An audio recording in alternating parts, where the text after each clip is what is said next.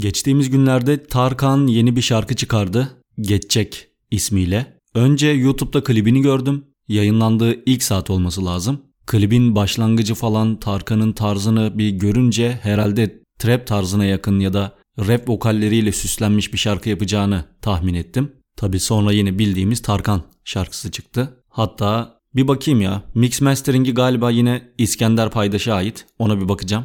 Ozan Çolakoğlu'ymuş. Şarkıda bu arada 15 milyon olmuş. Neyse hemen ardından Tarkan'ın muhalif duruşundan dolayı şarkının politik bir şarkı olup olmadığıyla alakalı bazı şeyler söylendi. Çeşitli gazetelerde veya sosyal medya platformlarında Tarkan bayağı bir eleştirildi. Ben de şarkının sözlerini bir analiz edeyim dedim ve Türkiye'nin ne kadar politize olup olmadığını beraber görelim istedim. Diyor ki hep köşeye sıkıştırmadı mı? Daha önce de sanki sırtımızdan vurmadı mı? Bu kaçıncı darbe? İlk değil ki. Düştük evet ama kalkmadık mı? Biz hep hayata meydan okumadık mı? Sen ferah tut içini biz neleri atlamadık mı? diye. İlk kıtası herhalde bu şekilde. İçinde darbe geçiyor mesela. Darbeci olabilir. geçecek geçecek elbet bu da geçecek. Gör bak umudun gününü gün edecek. Oh oh zilleri takıp oynayacağız o zaman. O çiçekten günler çok yakın inan. ya şarkının sözleri falan bildiğimiz Tarkan şarkısı yani. Dudu ya da Kuzu Kuzu neyse bu şarkıda direkt o. Ama işte bak şarkıların çıkarılma zamanlarının kesinlikle politikayla da alakası var. Mesela Ceza 2015 yılında Suspus albümünü çıkarana kadar zaten 2013'te falan çıkaracaktı. Gezi Parkı olayları patladı. Daha sonra yine siyasi falan böyle krizler oldu. Ceza albümü öyle bir zamanda yayınladı ki Suspus şarkısının şu andaki halini görüyorsunuz. İstiyorsanız YouTube'dan açıp bakın. Kaç milyon izlenmiş? Yani tam doğru zamanda paylaşılmış bir albüm. Tarkan maalesef bu işi çıkarmanın tarihinin azizliğine uğramış. Ama siyasi olarak anlaşılmak istenirse tabii ki anlaşılabilir. Çok uzattın, vallahi bıktık, bir durmadın, vermedin ki aman. Tamam bak bunu e, şu andaki siyasi iktidara karşı olduğunu söyleyebilirsiniz. Ama bir de şu açıdan bakalım. Mesela CHP'nin başında Kılıçdaroğlu e, ona karşı yazılmış bir şarkı olarak düşünelim. Çok uzattın, vallahi bıktık, bir durmadın, vermedin ki aman, hadi yeter artık, fena bunaldık, düş babam artık düş yakamızdan diye. Bu şarkıyı mesela Kılıçdaroğlu'nu düşündüğünde, Devlet Bahçeli'yi düşündüğünde, iktidarı düşündüğünde, Fenerbahçe'nin başındaki Ali Koç'u düşündüğünde, Hatta İstanbul için İmamoğlu'nu düşündüğünde yani bir okul için müdürünü düşündüğünde, öğretmenini düşündüğünde, ebeveynlerini düşündüğünde her yere çekilebilecek sözler. Ve maalesef Türkiye sanatı hala anlamış değil. Çünkü başka şarkılar da var. Bunu her yere çekebilirsin. Arabesk bir şarkı olsun. Random bir tane şarkı seçsem ve onun üzerinden iktidarı eleştirecek olsam, muhalefeti eleştirecek olsam yani bunu politikaya çekecek olsam istediğim şarkıyı çekerim. Bakalım mı? Herhangi bir şarkıya bakalım mesela. Bak İbrahim Tatlıses'ten Ağlama şarkısını açıyorum. Şimdi bu şarkıyı siyasi bir yöne çekeceğiz. Tamam mı? Bu kar boran yaza döner. Acılar tükenir biter.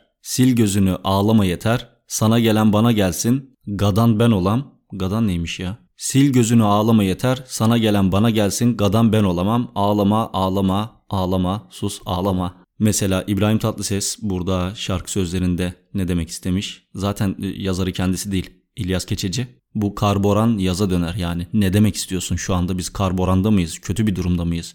Ülkemiz çok kötü bir durumda mı demek istiyorsun? Ne demek istiyorsun? Acılar tükenir biter. He, doğalgaz, elektrik faturalarını falan söylüyorsun herhalde. Bunların hepsinin sorumlusu. Neyse.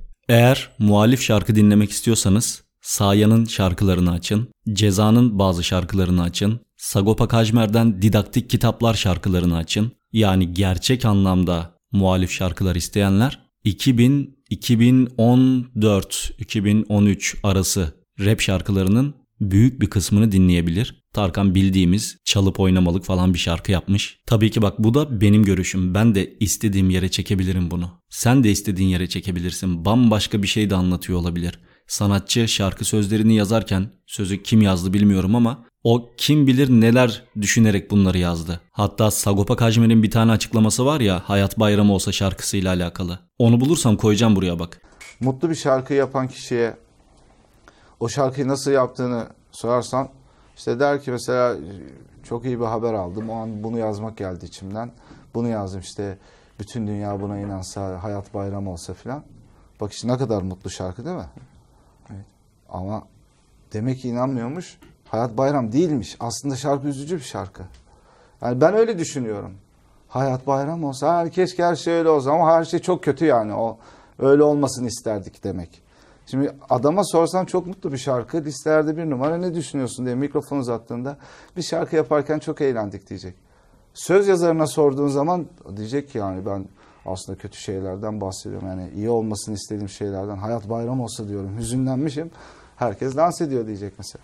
Yani sanatçı bazen bambaşka bir şey anlatmak isterken dinleyici bunu çok farklı yönlere çekebiliyor. Ama özellikle günümüz Türkiye'sinde şu anda bir problemden bahsedecek olursak, muhalif olduğu bilinen ve bunu gizlemeyen bir sanatçının yaptığı şarkıyı sırf onu muhalifliğinden dolayı kötülemek adına farklı yönlere çekmek Türkiye'nin ne kadar politize olduğu ve politikayla bu kadar içli dışlı olmasının başına ne tür belalar açabileceğini görmüş olmamız gerekiyor. Artık bu noktada bunu görmemiz lazım. Yoksa mesela Cem Yılmaz da bir muhalif sanatçı, muhalif bir komedyen ve iktidar partisi hakkında, muhalif partiler hakkında veya komple siyasetle alakalı bir şeyler yapmak istese bir gösterisini sırf bu şekilde yapsa gülmekten ölürsünüz emin olun bunu yapar. Ama günümüz Türkiye'sinin şartlarını bildiği için o da kendisini frenlemek zorunda. Belki de bu arada gerçekten Tarkan iktidarı da eleştirmek istemiştir. İşte geldiler gidecekler falan demek istemiştir. Ama önemli olan zaten bu değil mi? Yani bunu diyebiliyor olması gerekmiyor mu? Çünkü şu anın iktidar veya